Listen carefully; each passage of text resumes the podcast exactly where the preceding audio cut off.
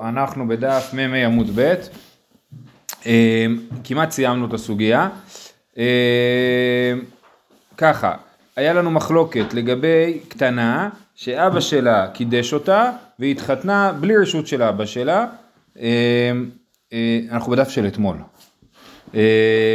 אז, ואז היה מחלוקת, ואבא שלה נמצא כאן, כן? אבא שלה נמצא כאן, היה מחלוקת, רב הונא אמר, שאמרנו שרב הונא פולני ורב ירמיה ברבא עיראקי. רב הונא אמר, הוא כועס עליה אבל הוא לא אומר לה. לכן הוא לא התרצה, אז זה לא לדעתו ולכן היא לא יכולה לאכול בתרומה כי הנישואים לא תקפים.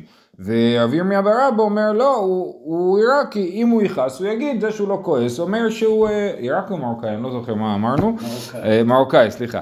אז, אה, מתנצל מהעיראקים. אז, אז רב ירמיה ברבא אמר שאם הוא היה כועס הוא היה אומר, ולכן היא יכולה לאכול בתרומה, כי זה שהוא לא כועס סימן שהכל בסדר. זה היה מחלוקת אחת. עכשיו, אנחנו ארבע שורות מלמטה, חמש שורות מלמטה. אה, נתקדשה שלא לדעת אביה ונישאת שלא לדעת ואביה כאן, כן? היא הלכה והתקדשה, שוב מדובר על קטנה, כן? שהיא הלכה והתקדשה והתחתנה שלא לדעת אביה ואבא שלה כאן, זה לא שאי אפשר לשאול אותו, אפשר לשאול אותו. פה מתהפכת המחלוקת, רב הונא אמר אוכלת, רב ירמיה ברבא אמר אינה אוכלת, הרי מקודם רב הונא אמר שהיא לא אוכלת, כי אנחנו לא יודעים אם אבא התרצה או לא, ורב ירמיה ברבא אמר שזה שהוא שותק סימן שהוא התרצה, כן? ופה זה מתהפך. אמר אולה עד דרבונה כחומץ לשיניים וכעשן לעיניים, זו סברה קשה, איך יכול להיות שאם אבא שלה קידש אותה, אז היא מקודשת מדאורייתא, ורק מדרבנן היא לא אוכלת בתרומה, ואתה אומר שהיא לא יכולה לאכול בתרומה כי אולי אבא שלה לא מסכים, אבל אם אבא שלה לא קידש אותה, והיא קידשה את עצמה, אז היא בכלל לא מקודשת מדאורייתא, אז היא כן אוכלת בתרומה, איך זה יעלה על הדעת, כן?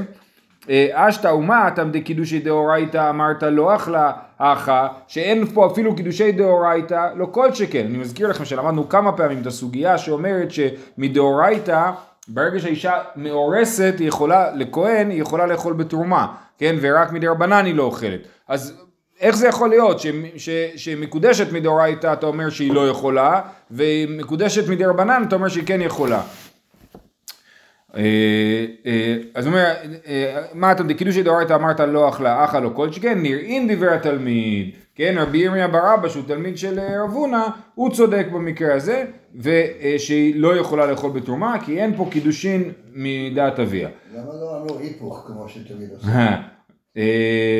אמר אבא, דווקא פה הוא לא אומר היפוך, הוא אומר, מה איתה מדי רב הונא? הואיל ונעשה בה מעשה יתומה בחיי האב, אז למה רב הונא באמת אומר את מה שהוא אומר? כי נעשה מעשה יתומה בחייו, זאת אומרת, בעצם אתה רואה פה ילדה שמתנהלת באופן עצמאי לגמרי, כן, אבא שלה לא מתערב לה בכלל בחיים, סימן שאבא שלה ויתר ושחרר את העניין, כן, אה, אה, איך רש"י אומר, כנראה זה שהוא רב ושתק, הפקיר זכות שיש לו בה, כן, זה, אה, אה, זאת אומרת, אתה רואה מההתנהלות שהוא באמת לא, לא פקטור ולכן היא כן יכולה להתנהל לבד, מדי רבנן כמובן, ולא מדאורייתא, כי רק קטנה מתקדשת מדאורייתא רק אם אבא שלה מקדש אותה. אבל פה, אז היא משוחררת כאילו. ואז שהיא מגיעה לגיל 12 וחצי? מה, אם היא קידשה את עצמה? כן. אם היא לא מיינה עד גיל 12, אז היא נשואה. כן. אה, עכשיו, יפה, וירמיה ברבא באמת אומר, כשאבא שלה קידש אותה מדאורייתא, אז היא יכולה לאכול בתרומה, אה, למרות שאבא שלה לא היה מעורב בנישואין. אה, אבל אם אבא שלה לא קידש אותה והיא קידשה את עצמה, אין לזה שום תוקף עד שאבא שלה לא מביע הסכמה מפורשת. הלאה, איתמר, קטנה שנתקדשה שלא לדעת אביה, אמר רב, בין היא ובין אביה יכולים לעכב. אז היא התקדשה שלא לדעת אביה, ועד שאבא שלה ישמע על זה, אז גם אבא שלה יכול להגיד לא מקובל עליי, אני לא מסכים לזה, וגם היא יכולה להגיד, אני לא רוצה, בעצם אני לא רוצה, כן? כי כל עוד אבא שלה לא הסכים, אז זה לא קידושי דאורייתא, זה קידושי קטנה, וקידושי קטנה, קטנה יכולה למען, נכון? ורב אסי אמר, אביה ולא היא. רב אסי אמר, רק אה, אבא שלה יכול למען, היא לא יכולה, כי היא, אבא שלו יכול לסרב, כן? והיא לא יכולה בגלל אה, שהיא בעצם כאילו רצתה את זה, היא עשתה את זה, על דעת זה שאביה רוצה, ברגע שאבא שלה הסכים אז, אז זהו, אם, אה, ולכן היא לא יכולה לסרב כרגע. אז מה, ההסכמה של קטנה זה נחשב בכלל? היא, היא הסכימה להתחתן, נכון? אבל היא קטנה. אתה, אתה צודק, אבל עובדה שבמקרה רגיל, אם אין אבא בסיפור, קטנה שהסכימה להתחתן, צריכה למען, זה לא שאני אומר פה אין פה כלום. וגם הזכרנו את זה, שלא, לא, כאילו, גם קטנה יש כאילו אה, סקאלה, כן? זאת אומרת, זה, זה לא... אה, עם דת ובלי דת. כן, יש גיל 10, יש גיל 7, כן. אה, טוב, הייתי ורבונו לרב אסי, ואמר לה יחי רבה רב לרב אסי, ימאן ימאן אביה. כן, אז מדובר על, נער, על קטנה שנתפתתה, פיתו אותה, ואז כתוב עם... אה, פסוק. אה, שנייה, בוא נראה, יש לי פה את הפסוק. אה, אני אקרא. אם כן. מען ימאן אביה לתיתה לו, כסף ישקול כמו הר הבתולות. כן, אז יפה. אז אם, אז הוא כאילו צריך להתחתן איתה, ואם אבא שלו, אבא שלה ימאן שהיא תתחתן איתה, איתו, עם המפתה, אז בכל זאת האבא יצטרך לשלם מוהר. בכל זאת יצטרך לשלם, אה, לא יודע, אה, 100 שקל נדמה לי, או 200 שקלים. כסף ישקול זה לא המפתה? המפתה, כן, אני אומר, אבל אפילו אם האבא, הוא אמור לתת לה כסף ולהתחתן איתה. אפילו אם האבא ממאן שהיא, תת, הוא- שהיא תתחתן איתו, אז הוא בכל זאת צריך לתת את הכסף. זה הנקודה, כן? אם אין ממאן אביה. אין לי אלא אביה, היא עצמה מנין, תלמוד לומר, אם מאן ימאן, מכל מקום, גם היא יכולה למאן, כן? אז הנה זה מוכיח נגד רב אסי. רב אסי אמר שהיא אה, קטנה שנתקדשה שלא לדעת אביה, אז רב אסי אמר שהיא לא יכולה ל- ל- לסרב. והנה אתה רואה שלכאורה הוא פיתה אותה, עכשיו כרגע הגמרא חושבת שכאילו שהוא שכב איתה, הוא שכב איתה על דעת קידושין, כן? והיא הסכימה, ואז אנחנו רואים שעדיין יש לה זכות לסרב, כן? אם אין ימיין מכל מקום. אמר לו רב לא תזלו בתר איפכא, אז רב, שהוא זה שחלק על רב אסי, והוא אמר שגם היא יכולה לעכב, הוא אמר, הקושייה שלכם על רב אסי היא לא טובה, כן? קושייה, אל תלכו בתר איפכא, אל תלכו אחרי ההפך, כאילו, הקושייה שלכם היא ההפך, הייתי יכול להגיד אחרת. אה, יכול לשנוי הילכו, רב אסי יכול לענות לכם, כגון שפיתה שלא לשום אישות. הוא פיתה אותה שלא לשום אישות, נכון? ולכן היא, אה, אה, ולכן היא יכולה למען, אומרת הגמרא פיתה שלא למישות, לא לשום אישות קרא ביי, למה שהיא תצטרך למען? הוא פיתה אותה שלא לשום אישות, אף אחד לא צריך למען פה, היא בכלל לא מועמדת להיות מקודשת. לא? הוא שוכב איתה. יכול להיות שהוא שוכב איתה ואומר אני עושה את זה על דעת קידושין, קידושי ביאה, ויכול להיות שהוא שוכב איתה סתם בשביל הכיף ולא בשביל קידושי ביאה. כן? אז זה פיתה לשום אישות ופיתה שלא לשום אישות. זה המושג, כן? פיתה לשום אישות. מה שהיום נקרא ניצול קטינים. כן. אבל לא- כן, אבל יכול להיות ניצול קטינים לשום אישות ולא לשום אישות. לא- לא אישות. כן, לא לא לשם אישות, הכוונה היא לא לשם נישואין. אה. כן, זה הכוונה. לא, לא, לא, לא, לא. כן. היה אישות, היה יחסי מין, אבל לא לשום אישות, הכוונה היא לא לשם נישואין. כגון שפיתה שלא לשום אישות, פיתה שלא למישהו, שלא לשום אישות קרבאי, אמר רב נחמן בר יצחק, כלומר שלשלם קנס כמפותה. זאת אומרת, החידוש הוא כזה, הוא פיתה אותה שלא לשום אישות. עכשיו מה הדין שלו? שהוא צריך להתחתן איתה ולתת לה מוהר. אם האבא ממאן, אז הוא צריך, הוא לא מתחתן איתה, אבל עדיין צריך לתת מוהר, נכון? והחידוש הוא שגם אם היא ממאנת, אז עדיין צריך לתת מוהר, כן? זה, זה מה שלומדים מהפסוק. לא לומדים מהפסוק את מה שחשבו להגיד שהיא יכולה למאן למרות שהוא שכב איתה לשם אישות, אלא להפך, שכב איתה שלא לשם אישות, ולומדים מזה שבכל זאת הוא צריך לשלם בין אם האבא ממאן ובין אם הילדה ממאנת למרות שהיא כאילו בהתחלה התפתתה. אם אחרי זה היא ממאנת אז הוא צריך לשלם. המוהר זה לטובת הבת או לטובת טובת המפתה? הבת. הבת, המוהר זה מה שהוא משלם. הוא משלם לה, לא, קנס. אמרת שהאבא צריך לתת לה משהו. לא לא, אם האבא ממאן, לא. המפתה משלם לצד של האישה, לאבא, כן. לאבא, ואפילו אם האבא אומר אני לא מוכן שתתחתן איתך. אה. והחידוש הוא שאפילו אם היא אומרת אני לא מוכנה להתחתן איתך, עדיין הוא צריך לשלם. אמר רב נחמן בר יצחק לומר שמשלם קנס כי מפותה.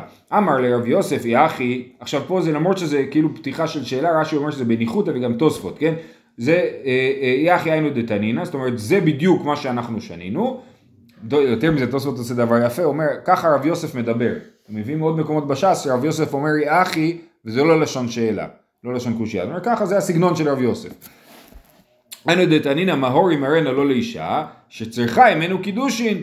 ואם פיתה לשם אישות קידושין למה לי? כתוב שם בפסוק ימהרנה לו לאישה, כן? אם הוא שכב איתה לשם קידושין, למה הוא צריך למהר, למהור אותה לאישה? בדיוק, היא כבר נקנתה. ואם פיתה לשם אישות קידושין למה לי? אמר לה אביי, צריכה קידושין לדעת אביה. אביי אומר, לא, אפשר לדחות את ההוכחה הזאת, כאילו אתה מוכ...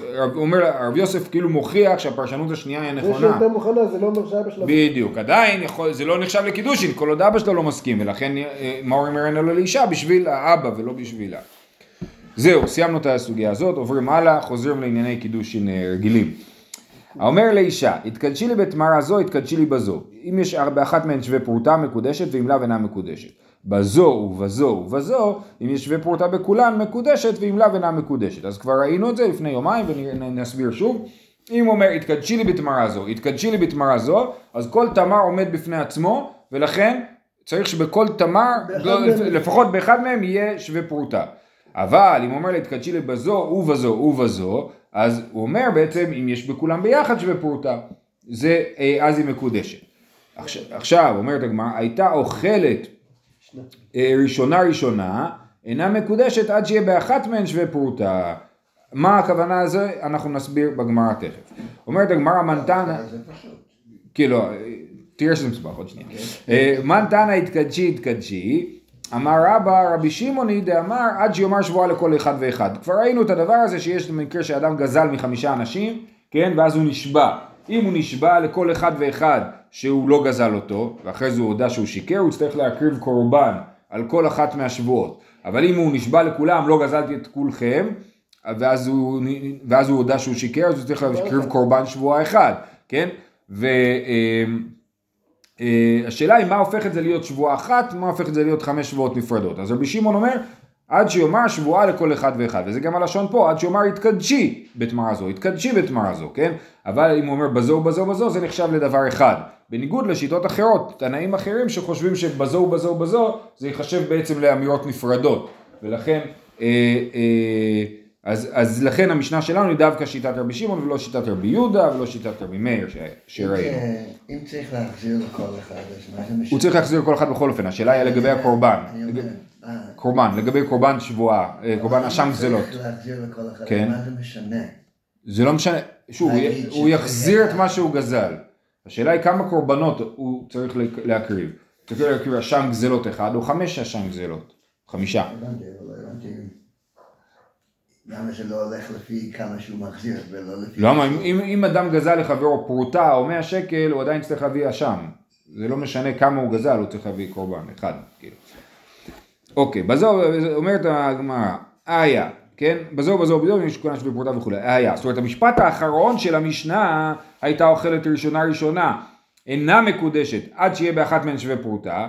אז האם זה הולך על התחלת המשנה, על המקרה שאמר לה התקדשי לי בתמרה זו, התקדשי לי בזו, או שזה הולך על סוף המשנה, על בזו ובזו ובזו. איה, אילי מה הרישא, מה עירייה אוכלת, אפילו מנחת נמי, די התקדשי לי בזו כמה, אה, וקנין. מירה, מה זה לא משנה? הזהרנו אותו זה מראש. לא- לך את הכיסא.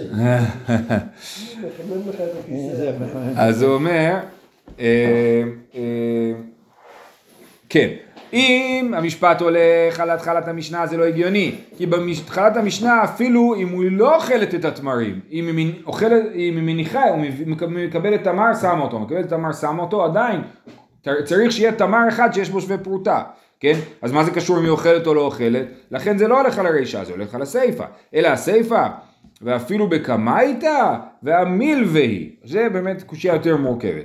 על הסיפה שאומר לה בזו בזו בזו, אז הוא, איך זה הולך? היא עומדת, הוא אומר לה מביא לה תמר, התקדשי לי בזו, היא אוכלת אותו, הוא אומר לו הוא בזו, אוכלת אותו, בזו, אוכלת אותו, כן? עכשיו, אנחנו אומרים, רגע, אם היה בכולם ביחד שווה פרוטה, אז היא מקודשת. אומרים, לא, למה לא? סליחה. אז זה, כי היא כבר אכלה, אוקיי. עכשיו אנחנו אומרים, אם היה באחד מהתמרים שווה פרוטה, אז היא מקודשת. אומרים, רגע, גם אם היה בתמר הראשון, שהיא אכלה כבר, שווה פרוטה, אז היא מקודשת עכשיו? היא לא מקודשת עכשיו, כי הוא אמר לה בזו, בזו, בזו, היא התכוון לקדש אותה בכולם. התמר שהיא אכלה כבר, אפילו שהוא היה שווה פרוטה בפני עצמו, היא כבר אכלה אותו. אז, אז, אז זה, זה נחשב כמו קידושין במילווה, כן? אני הבאתי לך תמר, כן? ועכשיו אני אומר לך, תתקדשי לי בתמר שהבאתי לך. התמר כבר לא פה, הוא כבר בתוך הבטן שלה. אם הוא עדיין היה פה התמר, אז אני אומר, התמר הזה שהבאתי לך, תתקדשי לי בו. זה אה, לא נחשב לקידושין במילווה. אבל אם כבר אכלה את התמר, מה שנשאר זה רק שהיא צריכה להחזיר אותו כאילו, כן? ועכשיו הוא אומר, במה שאת צריכה להחזיר לי, אל תחזירי לי, זה נחשב לקידושין במילווה והיא לא מקודשת.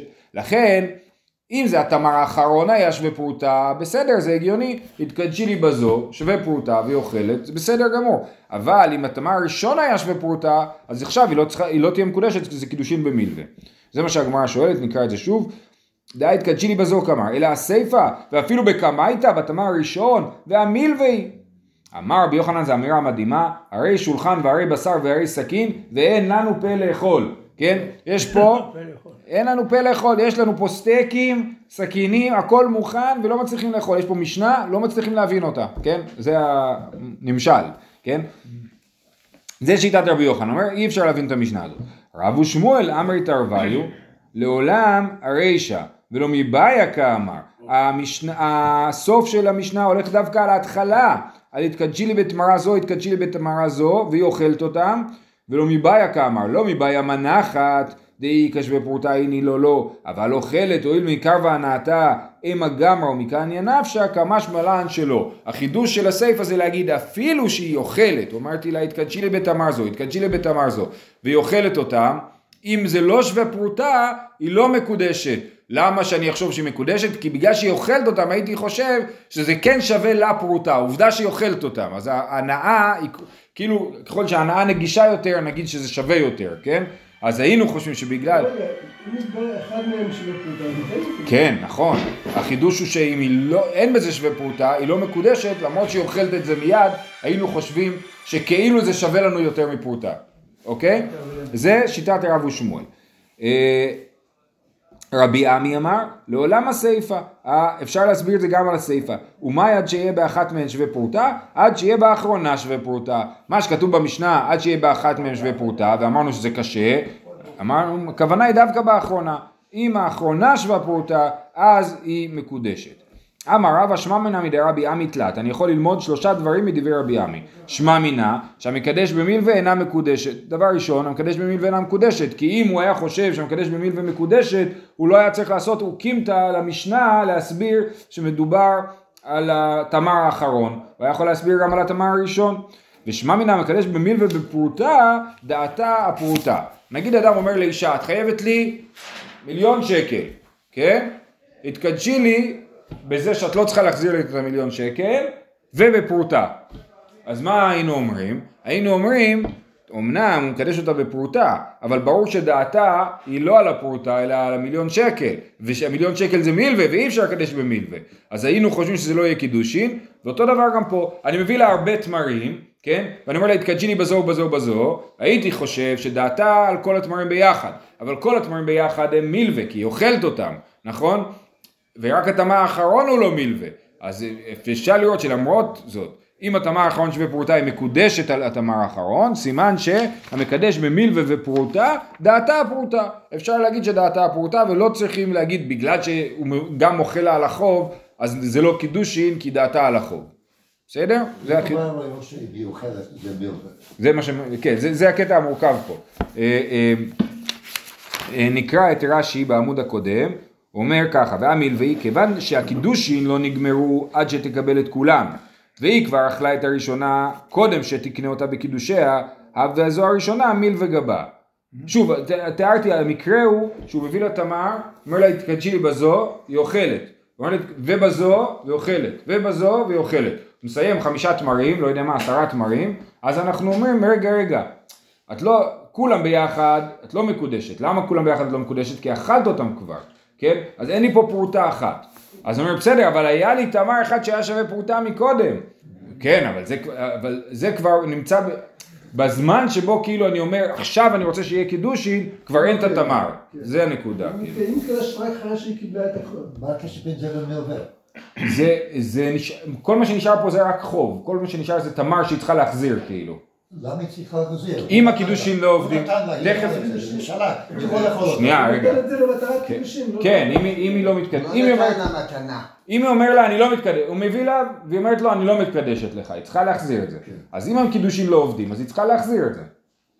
אז זה, זה מילווה, אני מסכים שזו נקודה מורכבת, כן? זה לא, זה לא דבר אה, שהוא טריוויאלי. אני חוזר אלינו, אה, היינו, ב... כן, אז, אז אמרנו שתי שמע מינה, זה מקדש במילווה, מקדש במילווה ופרוטה, דעתה פרוטה, אם התמר האחרון שווה פרוטה זה עובד, והדבר השלישי זה שמע מינה, מעות בעלמא חוזרים, אם, בדיוק הנקודה שאמרנו עכשיו, אם אדם נתן מעות לקידושין ואין קידושין מאיזושהי סיבה, אז הכסף חוזר חזרה לבעל, היא צריכה להחזיר לו את הכסף, היא לא יכולה להגיד, אתה נתת לי לקידושין, זה שלי, ועכשיו אני מחליטה אם אני מתקדשת או לא. אם היא מחליטה שהיא לא מתקדשת, היא צריכה להחזיר את זה, וזה הופך להיות בעצם חוב. עכשיו זו נקודה עדינה, כי בעצם יוצא שכל קידושין, אם זה לא קורה באותה שנייה של נתינת הכסף, זה כבר חוב, נכון? אם, אם, אם מקדש אותה, נותן לה כסף, ואומר לה מקודשת לי בזה, אז מקודשת, נכון? למה לא נגיד, רגע, ברגע שנתת זה כבר חוב, כי זה כאן, זה ההבדל, ההבדל בין התמר לבין זה, שאת התמר היא אכלה, זה כבר לא כאן, לכן זה הופך להיות חוב. הכסף שהוא עדיין כאן, אז הוא מפסיק להיות אה, חוב. אז איך אני יכול, אה, להתח- להתחייב בכסף של כתובה, כי זה לא... כתובה זה לא קידושין, נכון, כן. אז זה מוזר, רבי ימי הוא תלמיד של רבי יוחנן. כן, נכון, רבי יוחנן לא לא הבין. נכון, נכון, רבי יוחנן אמר שהוא לא הבין, כן. אבל דווקא מהתירוץ של רבי ימי אנחנו רואים שהוא מוטרד מהשאלות שהטרידו את רבי יוחנן. כן, זאת אומרת, רבי יוחנן אמר שהוא לא הבין, אז הוא, עושה אוקימתא, רבי ימי עושה אוקימתא למשנה, זה לא אה, קריאה פשוטה. טוב, עכשיו יש לנו מקרה, כיוון שדיברנו על זה שהכסף חוזר, אה, אם, אם הקידושים לא עובדים, אז יש פה מקרה מיוחד. הק- איתמר מקדש אחותו, אדם מקדש את אחותו. שהוא התחתן עם החוזרו? הוא כאילו, הוא עוד לא התחתן, רק מקדש אותה. רב אמר מעות חוזרים ושמואל אמר מעות מתנה. אז מחלוקת היא האם האחות צריכה להחזיר את הכסף או לא צריכה להחזיר את הכסף. רב אמר מעות חוזרים, אדם יודע שאין קידושים תופסים באחותו. וגמר ונתן לה אה, לשם, אה, לשם פיקדון. זאת אומרת, הוא יודע שאי אפשר לקדש את אחותו, אז מלכתחילה כשהוא נתן לה כסף, הוא נתן לה בשביל לתת לה כסף. עכשיו אנחנו צריכים להבין, לרדת לסוף דעתו ולחשוב מה הוא חשב לעצמו. הוא חשב לעצמו שזה יהיה פיקדון, הוא חשב לעצמו שזה יהיה מתנה. רב אומר שהוא חשב לעצמו שזה יהיה פיקדון. למה? כי אם הדין בכל הקידושין שהם לא קידושין, שהכסף הוא פיקדון והיא צריכה להחזיר את הכסף, אז גם פה, כשהקידושין הם לא קידושין, הכסף הוא פיקדון והיא צריכה להחזיר את הכסף. ואומרת הגמרא ולימה לשום פיקדון, למה הוא מתחכם? למה הוא לא אומר לאשתו, אני, לאחותו, אני רואה שאת צריכה הלוואה, בואי קחי הלוואה? כי סבר שהיא לא תסכים, סבר לא מקבלה, היא תגיד לא, אני לא צריכה הלוואות, אני אסתדרת לבד, לא לידי הלוואתם, ככה אנחנו בברכת המזון. ושמואל סבר, מעות מתנה, אדם יודע שאין קידושין תופסים באחותו, וגמר ונתן לשום מתנה. ונימה לה לשום מתנה, סבר כסיפה לי מילתא. כן, אז הוא יגיד לה, הנה אני רוצה לתת לך מתנה, הוא יגיד, יחשוב שהיא מתביישת ולא תסכים לקבל, ולכן הוא נותן לה לשם קידושין, ואז היא משאירה את זה אצלה. קידושין בכלל לא מתביישת. כן, אבל זה כאילו, אולי זה משהו מצחיק כזה, אולי זה, כן, נכון. אוקיי, אז זה המחלוקת, האם קידושי אחות, עכשיו זה לא אותו דבר כמו אישה רגילה. אישה רגילה, שהוא נותן לה את הכסף, ונגיד היא לא מסכימה, או משום מה קידושין לא אז ברור שהיא צריכה להחזיר. השאלה היא דווקא לגבי אחות, כיוון שהוא יודע שזה לא קידושין, מה היה בדעתו מלכתחילה לעשות כשהוא נתן לה. ובמקרים אחרים שהיא יודע ברור שהיא צריכה להחזיר. לא חלים. אז זו שאלה אם זה משהו שהוא, אז כאילו, אחות, הרי אמרנו אמור לחוכמה אחותי אם אדם יודע שאחותו אסורה עליו, נכון? אדם יודע שאחותו אסורה עליו, כן? אז זה הדבר פשוט. במקרה יותר מורכב, אנחנו נגיד, אולי, אולי הוא לא יודע, אנחנו לא צריכים לרדת לסוף דעתו, לדעת מה הוא יודע ומה הוא לא יודע. מקשה רבינה, מה טיב רבינה? מעולם אחר לגמרי, מפריש חלתו קמח אינו- חלה וגזל ביד כהן. כן, נגיד בא מישהו למירו, אומר, תשמע, הפרשתי חלה, נותן לך שתי קילו קמח, כן? אז אי אפשר להפריש חלה מקמח, חלה אפשר להפריש רק אחרי שזה נהיה בצק, אחרי כך שערבבתי, תקח עם המים. אז הוא מפריש חלה מהקמח, אז א' זה לא חלה, וב' זה גזל ביד כהן, הכהן חייב להחזיר את הקמח חזרה למי שנטל את הקמח. אה, המפריש חלתו קמח אינו חלה וגזל ביד כהן. המאי גזל ביד כהן? נימה, בוא נאמר, אותו דבר כמו שאמרנו בקידושי אחות, אדם יודע שאין מפרישים חלה קמח, ונתן לשום מתנה, למה אני לא חושב שהכהן קיבל את זה בתור מתנה, למה זה גזל ביד כהן? אומרת הגמרא שאני אדם דנפיק חור במינה, החכמים, נכון אתה צודק, באמת הוא התכוון לשם מתנה או משהו כזה, אבל חכמים, או הוא, תכף נראה מה בדיוק הוא התכוון, חכמים אמרו שהוא חייב להחזיר, שהכהן חייב להחזיר את הקמח, בשביל שמי שנתן את הקמח לא יעלה על דעתו שהיה פה הפרשת חלה, לכן אמרו שהוא חייב להחזיר את הקמח, ויגיד הנה הכהן לקח את הקמח, סימן שזה בסדר, אז אמרו לו לא, הכהן חייב להחזיר את הקמח בשביל שהוא ידע שזה לא בסדר. מה המקרים? שאני אדם דנפיק חור במינה, יש, יכול לצאת תקלה מהדבר הזה. דבר ראשון מצד הכהן, זימנין דאית לילה כהן פחות מחמש רבעים קמח, והי אליש לי בעדי הדדי, וכסבר נתקנה עיסתו, ואתי למיכלה בטיבלה. לפעמים הכהן בעצמו מכין חלה, נכון? גם כשהכהן מכין בצק, הוא צריך להפריש חלה, הוא יכול לאכול אותה בעצמו את החלה, אבל הוא צריך להפריש חלה. אז יש לו קמח בכמות שלא מספיק לחלה. הוא לוקח את הקמח הזה שהוא קיבל בתור חלה, ומוסיף את זה לקמח שיש לו, ומכין חלה, ויגיד, הקמח הזה פטור, הקמח שלי חייב, אז זה לא מתחבר ביחד להיות כמות שחייבת בחלה, כי חלק מהקמח פטור, זה מה שהוא יחשוב, ובאמת הקמח הזה הוא קמח רגיל לגמרי, לא קרה לו כלום כשהפרישו חלה, זה החשש. וכסבר נתקנה עיסתו, ואתי למחלה בטיבלה, והוא יאכל עיסה שהיא תבל, שהיא עוד לא הפרישו ממנה חלה. וזה דרך אגב עונש מיתה בידי שמיים. ואמרת, אדם יודע שאין מפרישים חלה קמח, אבל אמרת שאנשים יודעים שזה לא שזה לא חלה. התשובה היא יודע ואינו יודע. הידיעה היא ידיעה מוגבלת. יודע שאין מפריש חלה קמח, ואינו יודע דסבר טעמה יומיים, משום תירחא דכהן, ותירחא דכהן אכילתי. זאת אומרת, הוא אומר, אדם יודע שלא מפרישים חלה קמח, אמא שלו לימדה אותו שלא מפרישים חלה מקמח, אז הוא חושב לא עושים ככה, למה לא עושים ככה? הוא לא יודע. כן? אומר אולי לא עושים ככה כי זה מטריח את הכהן, הוא יצטרך להתחיל להכין בצק בעצמו, לכן לא עושים ככה. אבל אם הכהן הסכים, ופה מדובר, הכהן אומר, אני הסכמתי לקבל את החלה קמח, אז זה כן חלה. אז שוב, כולם יודעים שלא מפרישים חלה קמח, הם רק לא מבינים למה. כן? הם יכולים לחשוב שיכול להיות לזה תוקף. ולכן, אנחנו אומרים לכהן, אתה חייב להחזיר את הקמח, בשביל שאף אחד לא יעלה, שלא תעלה על דעתך שהקמח הזה הוא באמת קמח מתוקן. אומרת הגמרא, רגע, יש לזה פתרונות אחרים, ותהווה תרומה ולא תאכל עד שיוציא עליה חלב ממקום אחר. בוא נגיד, דין אחר, נגיד שהכהן לא צריך להחזיר את הקמח, אם אתה אומר שהכל זה בגלל שלא יצא את הכלה, לא בגלל השאלה אם זה כן מתנה או לא מתנה, אלא בגלל שלא יצא את הכלה, אז יש לנו רעיון אחר. נגיד לו שהכהן, נגיד לכהן אסור לך לאכול את זה עד שלא תפריש חלה. זהו, זה יישאר שייך לכהן, ועדיין הוא יצטרך אה, להפריש מזה חלה. כן? שתיאבי תרומה ולא תאכל עד שיוציא עליה חלה ממקום אחר. ש... מי לא תנן? יש לנו מקרה כזה, מן הנקוב על שאינו נקוב. מישהו הפריש תרומות ומעשרות מעציץ נקוב, שחייב בתרומות ומעשרות מדאורייתא, על עציץ שאינו נקוב, שלא חייב בתרומות ומעשרות מדאורייתא. אז התרומה הזאת היא לא תרומה, כי היא תרומה על כלום. אם היא לא תרומה, אז היא בעצמה נשארה תבל, כן? אז הוא הפריש מן הנקוב על שאינו נקוב, מה הדין? היינו אומרים שהכהן צריך להחזיר את זה לישראל. לא, והיא כן תרומה, ולא תאכל עד שיציע עליה תרומה מעשר ממקום אחר. הדין הוא שהיא נחשבת לתרומה, זאת אומרת היא נשארת בידיים של הכהן, אבל הכהן צריך להפריש עליה תרומות ומעשרות שוב פעם. היינו יכולים לפתור את אותו פתרון בחלה, להגיד שזה נשאר אצל הכהן, והכהן צריך להפריש תרומות ומעשרות שוב פעם. למה להגיד שהכהן צריך להחזיר את זה? איך זה עוזר לתרומת רבנן? זה לא עוזר, הוא הפריש מן הנקוב על שאינו נקוב.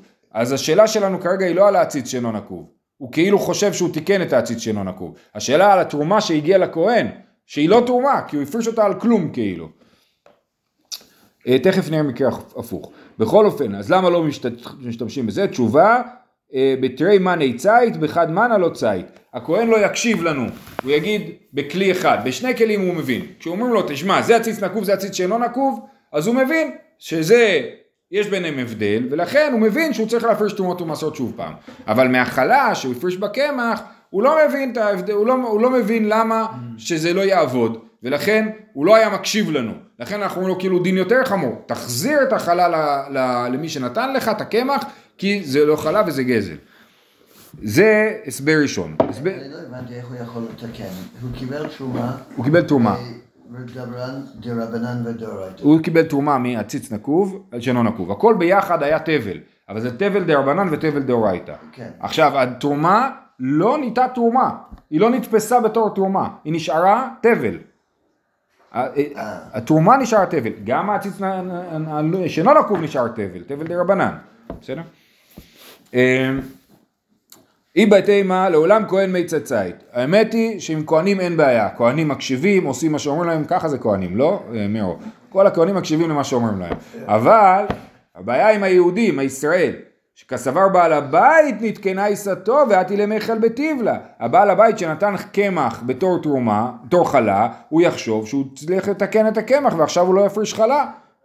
ואמרת אדם יודע שאין מפרישים חלה קמח, אבל אמרת שאדם כן יודע את הדבר הזה, אז למה אתה אומר שהוא לא יודע? תשובה, שוב פעם, יודע ואינו יודע. יודע שאין מפרישים חלה קמח ואינו יודע. דסבר טעם המים משום תירחא דכהן. תירחא דכהן קיבלה עלי ותהיה, נקודה. אז אותו דבר, הוא יגיד למה לא מפרישים חלה קמח? בגלל שזה מטריח את הכהן. פה הכהן הסכים לקבל את החלה קמח. כיוון שהוא הסכים, אז אני, אז הפרשתי חלה. הוא יגיד, לא נותנים את זה, אבל אם הכהן קיבל את זה, אז זה בסדר. ולכן אנחנו חוששים שהוא יבוא ויאכל את הקמח הזה בלי להפריש ממנו חלה פעם נוספת. ולכן אמרנו שהכהן צריך להחזיר את הקמח, שהיהודי לא יתבלבל ויחשוב ש, אה, שהוא צריך. אומרת הגמרא גם פה, ותהיה בתרומה ויחזור ויתרום, מי לא תנן, מי שאינו נקוב אלא נקוב, תרומה ויחזור ויתרום. יש לנו אדם שהפריש תרומות ומעשרות מעציץ שאינו נקוב על עציץ נקוב. אז מה הדין? תרומה, זאת אומרת מה שהכהן קיבל זה תרומה, אבל הוא עדיין צריך לחזור ולתרום מהעציץ הנקוב, כי העציץ הנקוב באמת, זה לא באמת עבד, כי זה לא היה תבל באותה מדרגה. אז אנחנו רואים שיש פתרון כזה, שאתה מביא לכהן משהו, הכהן לא צריך להחזיר לך, ובכל זאת אומרים לך, תתרום, תתרום שוב פעם. למה לא אומרים את זה בקמח? הפרשת חלה קמח, זה נשאר אצל הכהן, ואתה תפריש חלה שוב פעם. אומרת הגמרא, האוקימנה בתרי מיני ציד, בחד מענה לו ציד. כן, אמרנו כבר, שבשני כלים הוא מקשיב ובכלי אחד הוא לא מקשיב. בשני כלים הוא יגיד, אה, אני מבין שאני צריך להפריש שוב פעם תרומה. כי זה היה נקוב וזה היה אינו נקוב. אבל בכחלה, אומר, מה אתה רוצה? זה הקמח, נתתי את הקמח, זהו. אה, אני לא מבין למה אתה אומר לי ש, ש, שזה לא עבד. אומרת הגמרא ולא ציד, האם באמת האדם לא מקשיב כשאומרים לו להפריש תרומה שוב פעם, מכלי אחד, והאתנן, התורם קישור ונמצא מרה, אבטיח ונמצא שרוח. אני תרמתי פירות, מסתבר שהם מקולקלים שהכהן לא יכול לאכול אותם. תרומה ויחזור ויתרום, כן? אז התרומה היא כן הפרשת תרומה, והד... קיימת את הדין, אבל הוא לא יכול לאכול. אז לא- אתה צריך לתרום שוב פעם. אז הנה, הוא כן מקשיב. זה לא שני כלים, זה כלי אחד, ואתה, והוא, והוא כן מקשיב. למה אתה אומר שהוא לא מקשיב בכלי אחד? תשובה כזאת, שאני עטה. מדאורייתא תרומה מעליה היא. באמת מדאורייתא התרומה הזאת היא כן תרומה. מדי רבי אילאי, דאמר רבי אילאי מניין לתורם מן הרעה על היפה שתרומתו תרומה, כן? אז מי שתורם מהרע על היפה, אז תרומה היא תרומה, שנאמר ולא תישאו עליו חטא במלחמת חלבו ממנו, כן? אם, חלבו זה החלק הטוב, נכון? לא תישאו עליו חטא אם תפרישו את החלק הטוב, ואם תפרישו את החלק הרע, אז כן תישאו עליו חטא. אם זה לא תרומה בכלל, למה שתישאו חטא? זה לא קרה כלום. ואם אינו קדוש, נשיאות חטא למה? מכאן לתורה מן הרעה על היפה שתרומתו תרומה. וכיוון שזה מדי רבנן, אז אנחנו לא מחמירים. מכיוון שרק מדי רבנן הוא צריך לחזור ולתרום, אז אנחנו לא חוששים שהוא לא יקשיב. אם יקשיב, יקשיב, לא יקשיב, לא יקשיב, זה רק מדי רבנן. מדאורייתא מה שהוא אוכל זה מתוקן. ולכן, לסיכום העניין,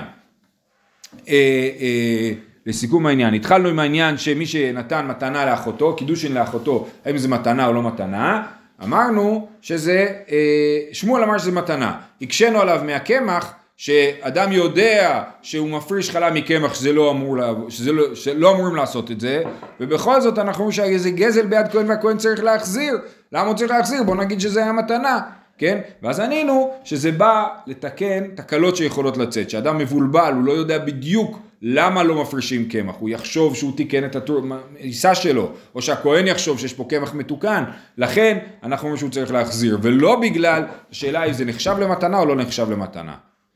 שיהיה לכולם שבת שלום, חג שמח.